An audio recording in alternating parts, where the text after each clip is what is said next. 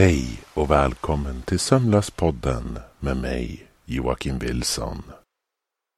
I detta avsnitt ska vi se upp mot skyn för första gången. Över hela vår glob har det kommit in rapporter om UFOs, eller på svenska, utomjordisk farkost, oidentifierbar, och aliens. Det känns också passande att ta upp detta ämne nu då de eh, Norrköpingsbaserade filmskaparna Crazy Pictures ska göra en film vid namn UFO Sweden med premiär 2022.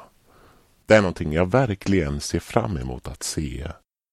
Till veckans första berättelse så är den ursprungligen från USA och rapporterades i en lokaltidning i Arizona 1975 om Travis Walton som plötsligt försvann i fem dagar.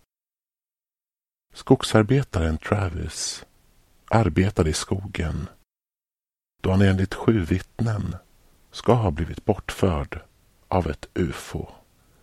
I vår berättelse är det utspelat i Sollefteå. I denna version har det också lagts till några detaljer som är fiktiva och inte tillhör originalberättelsen. Historien finns i länken nedan till avsnittet.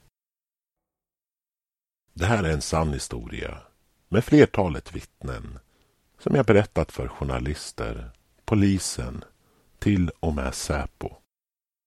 Men få av dem tror mig. Allting verkar helt enkelt vara för overkligt och främmande för att i själva verket vara sant. När någonting okänt dyker upp så reagerar vi som människor allt som oftast på samma sätt. Vi förnekar det. Tro mig. Jag har försökt finna förklaringar. Att rationalisera vad jag såg. Men det går helt enkelt inte. Jag vill berätta min historia ytterligare en gång. För dig och jag ber dig ha ett öppet sinne. Året var 1975. Jag arbetade som skogshuggare i Sollefteå. Varje dag var full av slit och kroppen tog mycket stryk. Men att vara ute i naturen fem eller sex dagar i veckan var ju fantastiskt. Chefen, herr Rosman, var lite gammeldags och tyckte att lördagar fortfarande var en dag för arbete. Det kom också med vissa förmåner att jobba lördagar. Det blev en extra slant och fru Rosman bjöd på lunch vid tolvtiden i jaktstugan. Det var alla tiders.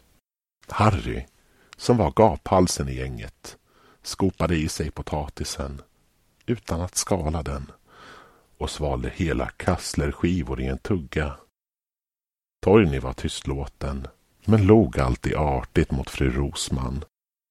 Ärligt talat tror jag att han var lite förälskad i henne. Och jag klandrar honom inte. Hon var slående vacker. Bosse var brysk och brutalt ärlig. Om såsen var lite för salt var han den första som sa det. De andra var bara tacksamma att få någonting att äta.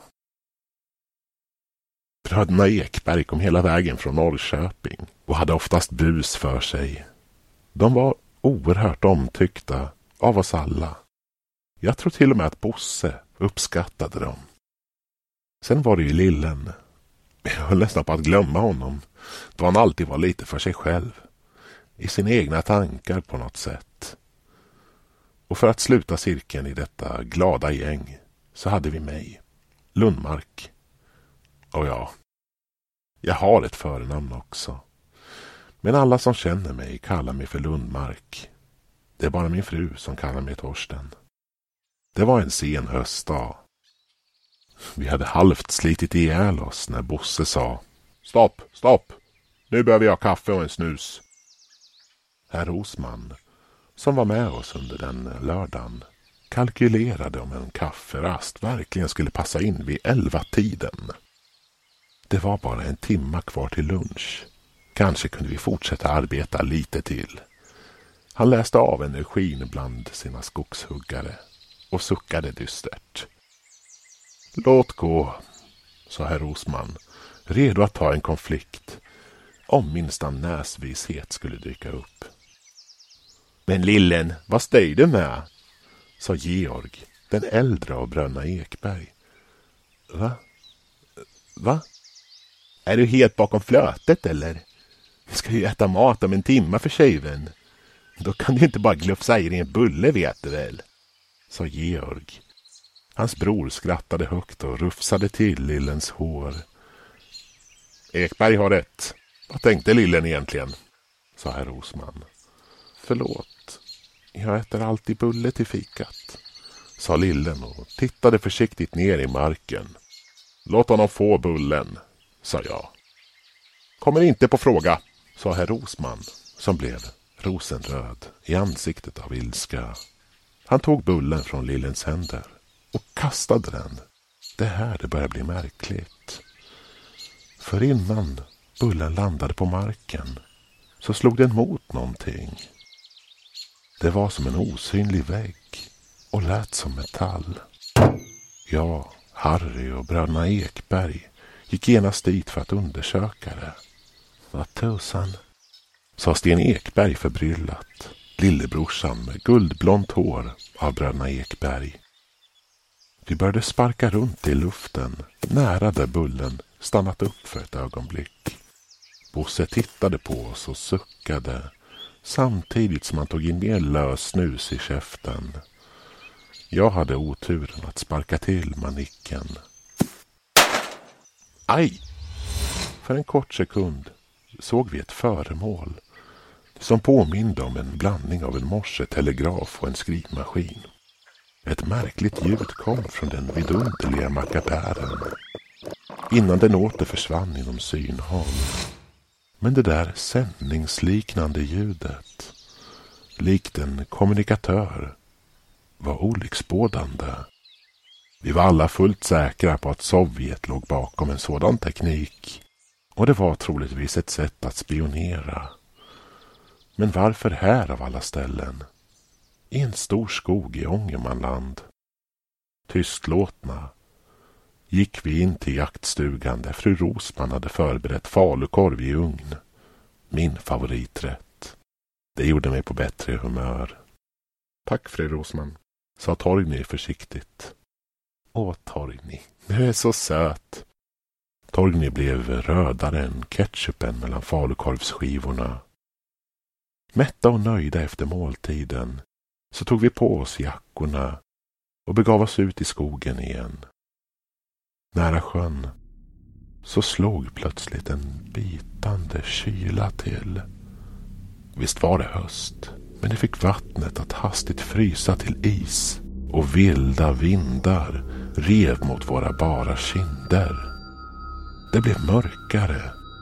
Klockan var bara tre på eftermiddagen. Men det var kolsvart.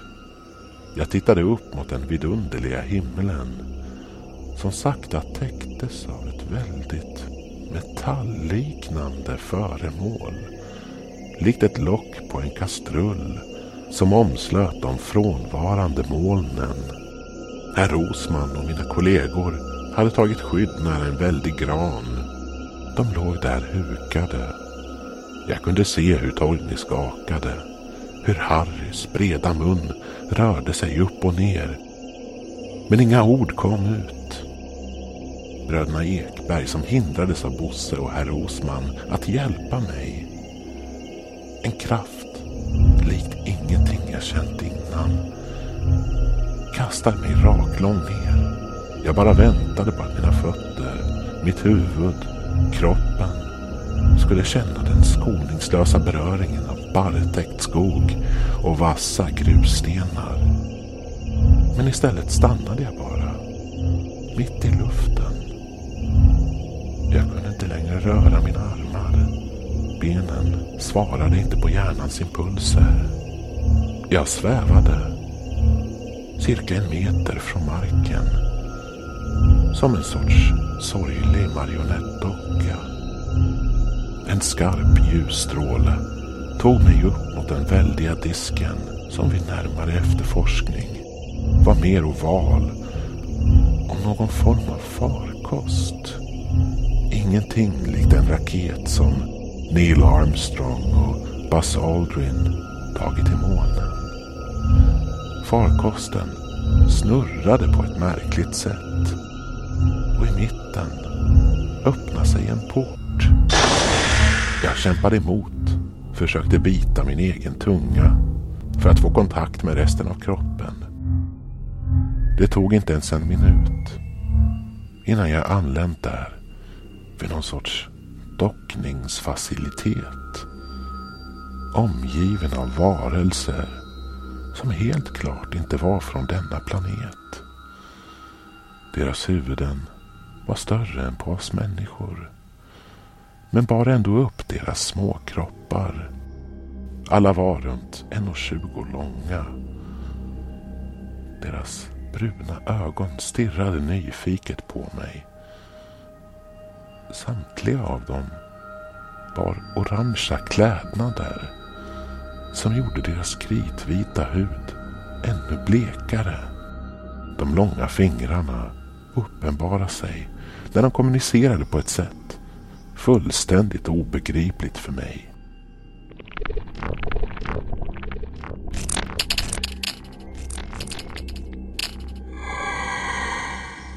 En svävande bädd bar upp mig. Den var så tunn och ytan kall likt bladet på en såg under en decembernatt. Fyra av de obehagliga varelserna följde efter den svävande båren som jag låg på in i en lång korridor. De talade lågmält.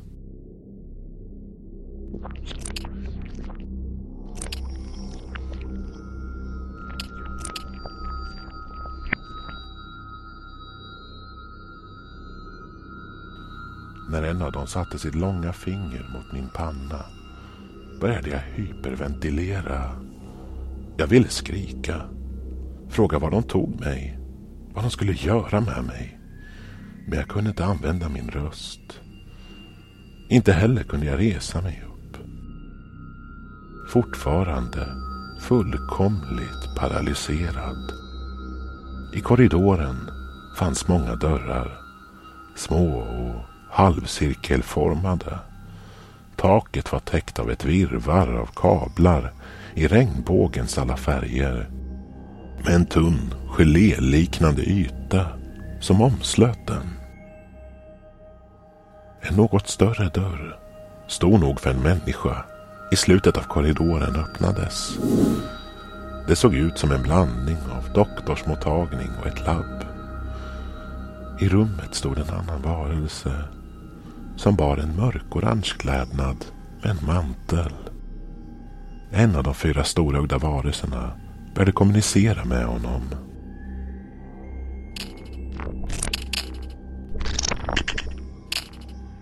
Ett stort rör som verkade ha ett eget medvetande rörde sig fram från andra sidan av rummet, närmare mig. Med ett väldigt vakuum sög det upp mina arbetskläder, jackan till och med mina kalsonger och strumpor. Tills jag låg där. Naken och sårbar. Röret spottade ut kläderna på ett kubliknande bord i närheten. De var perfekt vikta och en sorts genomskinlig hinna omslöt dem. Varelsen med manteln, som verkade stå i högre rang än de andra, likt herr Rosman i mitt arbetslag, var nu den enda av dem kvar i rummet. Han knappade in någon typ av information på en av de skrivmaskinsliknande tingen som jag sett tidigare under dagen och gick sedan fram till mig med ett märkligt instrument. Det såg ut som en spruta eller en pistol. Jag var inte helt säker. Varelsen satte den mot min halspulsåder. Ett kort, klickande ljud. Det stack till. Men inte värre än att ta blodprov hos läkaren. Mer som att försiktigt bli nypt av min systerdotter. Om jag skulle försöka hitta någon typ av referens. Ett litet cirkulärt myggbettsliknande avtryck uppenbarar sig där instrumentet vidrört min hals med tre prickar utanför cirkeln som formade en triangel. Varelsen, som jag bara antog var en form av forskare, satte vad som såg ut som tunna bandage vid mina armar och smalbenen. Utan förvarning kom små kablar ner från taket och omslöt bandagen. Jag kände mig yr, överväldigad och svimmade.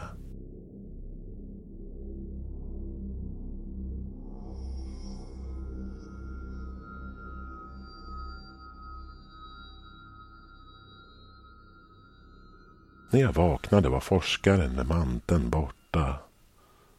Jag kände vid min halspulsåder. Märket var borta. Jag slet bort de tunna bandagen och kunde höra skrivmaskinsmackapären göra märkliga ljud.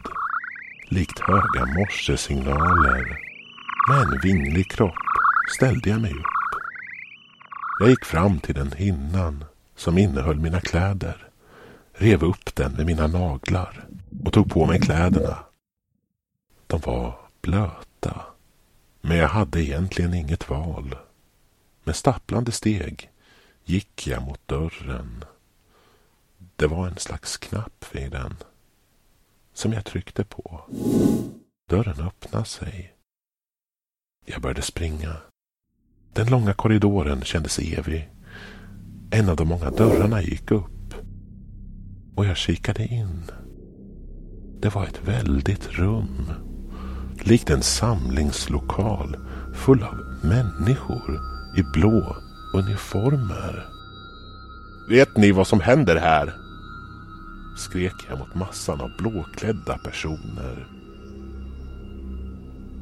En av dem gick försiktigt fram till mig och satte på mig en gasmask. Återigen svimmar jag.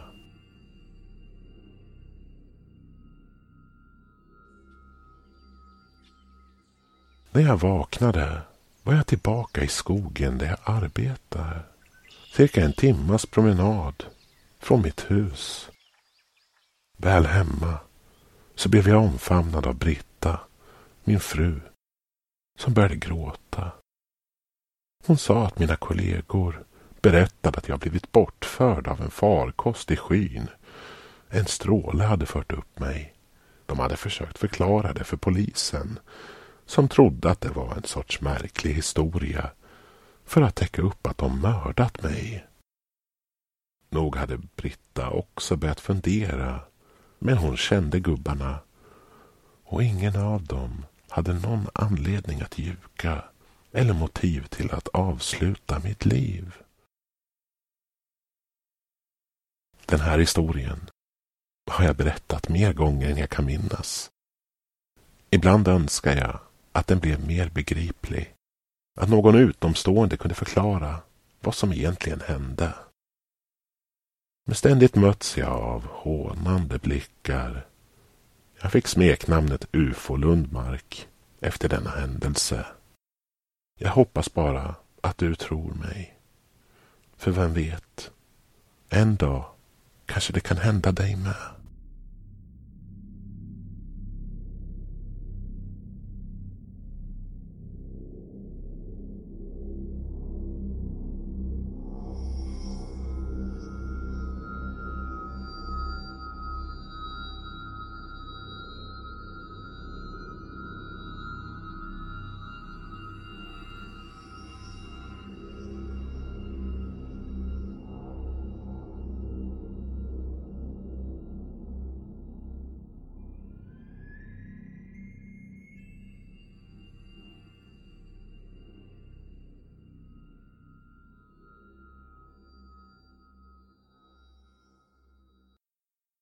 Tänk dig att få oväntat besök av en närstående som kommer hem till dig och agerar på ett sätt du inte alls är van vid.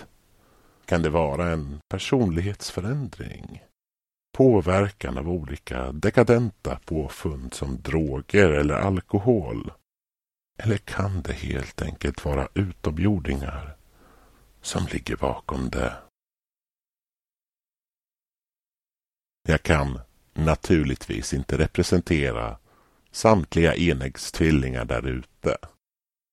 Men för mig känns det som att när Jimmy, min tvillingbror, är borta så saknas en del av mig.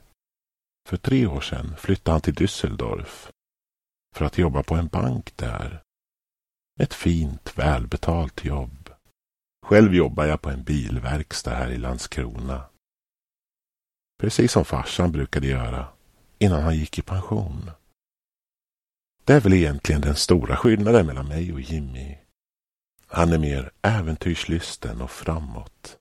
Medan jag är mer tillbakadragen och gillar rutiner.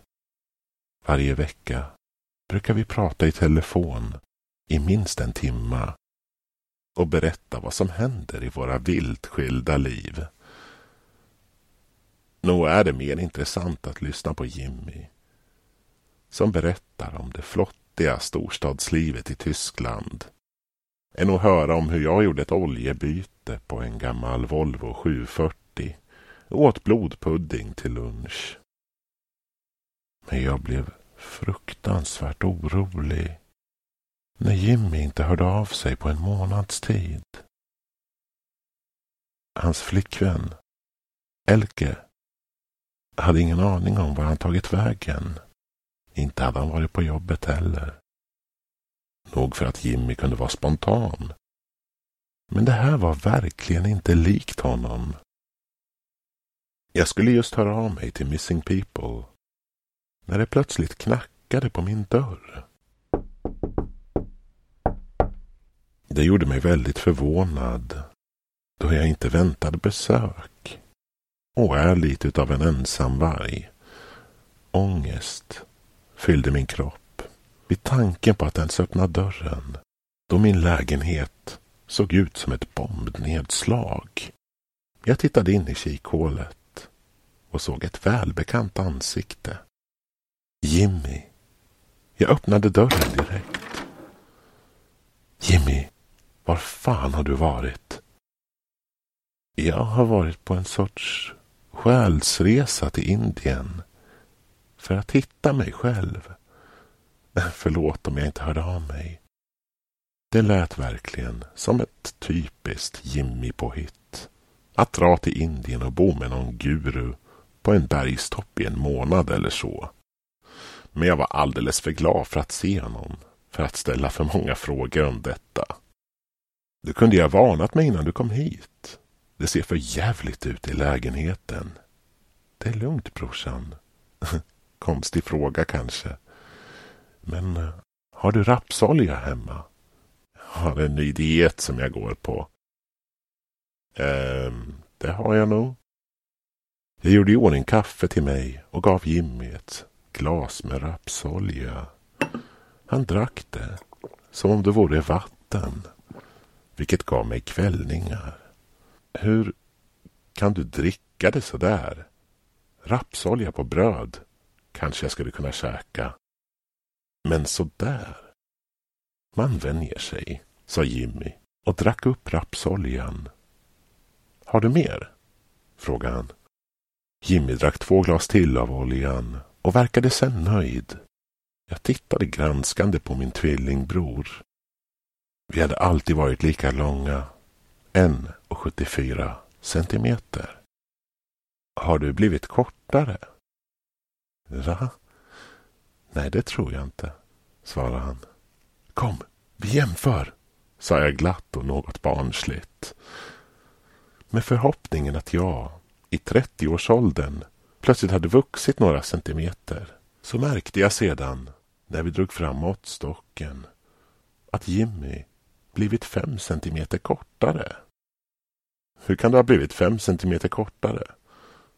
Jag har ingen aning om hur det gick till, sa Jimmy och skrattade. Vi satte oss ner i soffan och pratade. Allt kändes som vanligt. Tills jag ställde en specifik fråga. Så vet Elke om att du är här nu? Hon har varit sjukt orolig. Oh ja, jag ringde henne innan jag kom hit. Sa Jimmy och log. Bra. Hon verkar vara så himla härlig. För tre dagar sedan, när jag fortfarande försökte nå dig, så hade jag en fråga. Det är någonting jag fortfarande har på tungan. Vad hette den lilla byn där ni förlovade er? Jimmys ögon började blinka okontrollerat och munnen skakade. Jag var orolig att han fått en stroke eller ett anfall. Plötsligt ropade han ut. Monchau! Eh, just det. Monchau. Hade nästan glömt bort det själv. Sa Jimmy, som om ingenting hade hänt. Jag tittade på min tvillingbror. Som om det var en främmande människa och ställde en kontrollfråga. Någonting bara Jimmy och jag visste om. Jimmy, vad hette bandet som du skämde så mycket över att du gillade? Där du inte berättade för någon av dina hårdrockspolare. Ögonen blinkade på ett obehagligt och hastigt vis igen. Barbados! Ja, just det. Barbados var det, sa jag försiktigt. Alltså brorsan, vad är poängen med de här frågorna? Försöker du göra en quiz om mig till vår 35-årsdag eller? Det där var verkligen någonting Jimmy skulle sagt. Vilket lugnade mig något. Kanske blev han lite lustig av den där rapsoljedieten. Hade någonting hänt i Indien?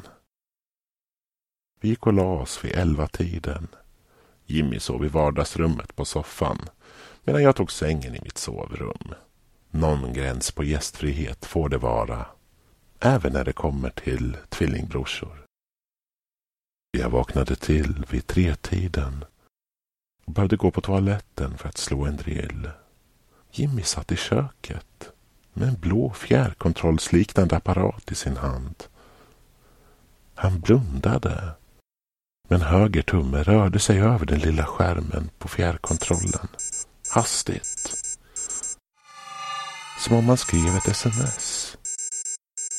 Det lät ibland som dosan kommunicerade med honom. Jag hostade till, men han märkte inget. Jimmy, vad gör du? Ja, det här. I Indien försöker man digitalisera mediterande. Det här är en karmadosa som ger gensvar med det där är bara skitsnack. Jag kan se att du ljuger. Nåväl, sa Jimmy. Hans röst hade ändrat sig. Ett skarpt ljus är det sista jag minns. Efter det vaknade jag upp i vad som såg ut som ett rymdskepp från en science fiction-film. Jag låg på en britt, likt ett tjockt betongblock. Men det var ändå bekvämt på något sätt. Jimmy stod bredvid mig. Var är jag? Allt kommer förklaras i sinom tid, sa han. Kommunikationen skedde telepatiskt, alltså via mina tankar. Vem är du? Det är oväsentlig information för dig. Oväsentlig? Hur kan det vara oväsentlig information? Du behöver vila. I ett stort rör med en grön slemmig vätska, likt formalin, såg jag en människa. Utan hud. Muskler, senor och ben var allt som syntes. Men det värsta var att titta in i ansiktet på denna person och inse att den helt saknade ögon. Det var svårt att bedöma. Men visst såg det ut som mig? Eller var det kanske... Är det där min bror? sa jag skarpt med gråten i halsen. Ja, sa rösten i mitt huvud. Är jag näst på tur? Mm. Det lät som rösten funderade. Det skulle inte tjäna något syfte. Jag kände mig lättad. Men också förolämpad på ett sätt. Så varför är jag här? Vi behöver veta varför. Projekt akklimatisering misslyckades. Aldrig, sa jag tvärt. Jag har din brors medvetande och jag kan ta ditt. Vi kan göra det enkelt eller svårt. Besegrad satte jag mig upp på britsen och berättade när jag förstod att det inte var min bror. När varelsen fått all data den behövde så gick den fram till ett tomt rör bredvid Jimmys. Där föll huden av, likt skalet på en banan från varelsen. Och för första gången såg jag varelsen stå mitt framför mig. Den var grå, fem centimeter kortare än mig, med ett väldigt huvud. De mörka, väldiga ögonen tittade in i mina. Huden kom långsamt tillbaka på Jimmys kropp från tårna och fortsatte uppåt. Vad är er plan på jorden egentligen? Ska ni spionera på oss? För att sen förinta den?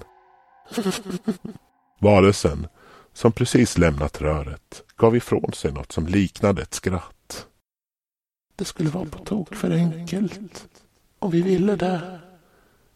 Er teknologi är skrattretande. Det vi vill ha av planeten Tellus är er kultur. Kultur? Ja. Låt mig demonstrera. I mina tankar såg jag Leonardo da Vincis Mona Lisa, Edvard Munchs Skriet. Jag hörde melodier av Beethoven, Mozart, som sedan gick över till mer modern musik. Mera moderna tavlor. Bohemian Rhapsody of Queen. Salvador Dalí-tavlor. En resa genom kulturen.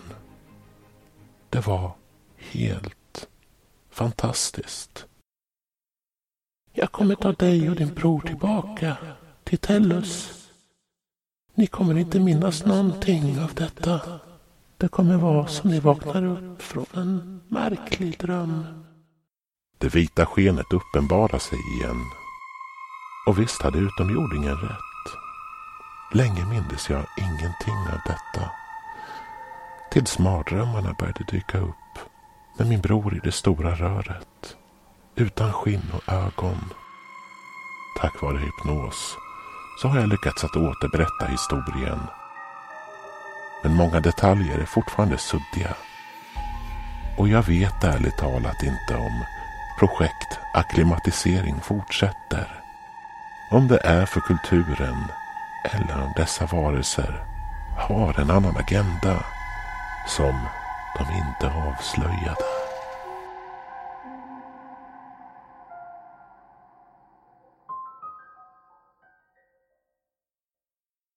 Nästa vecka tar vi oss tillbaka ner på jorden. Är det inte dags för ett tandläkarbesök? Men tandläkaren i historien har några sjuka idéer och tankar som man bara inte kan bli av med innan han utfört dem på ett offer. Lyssna nästa vecka för att möta tandläkare Hansen. Sömnlöspodden är inspelad, berättad och redigerad av mig, Joakim Wilson. Tack för att du lyssnat och välkommen åter.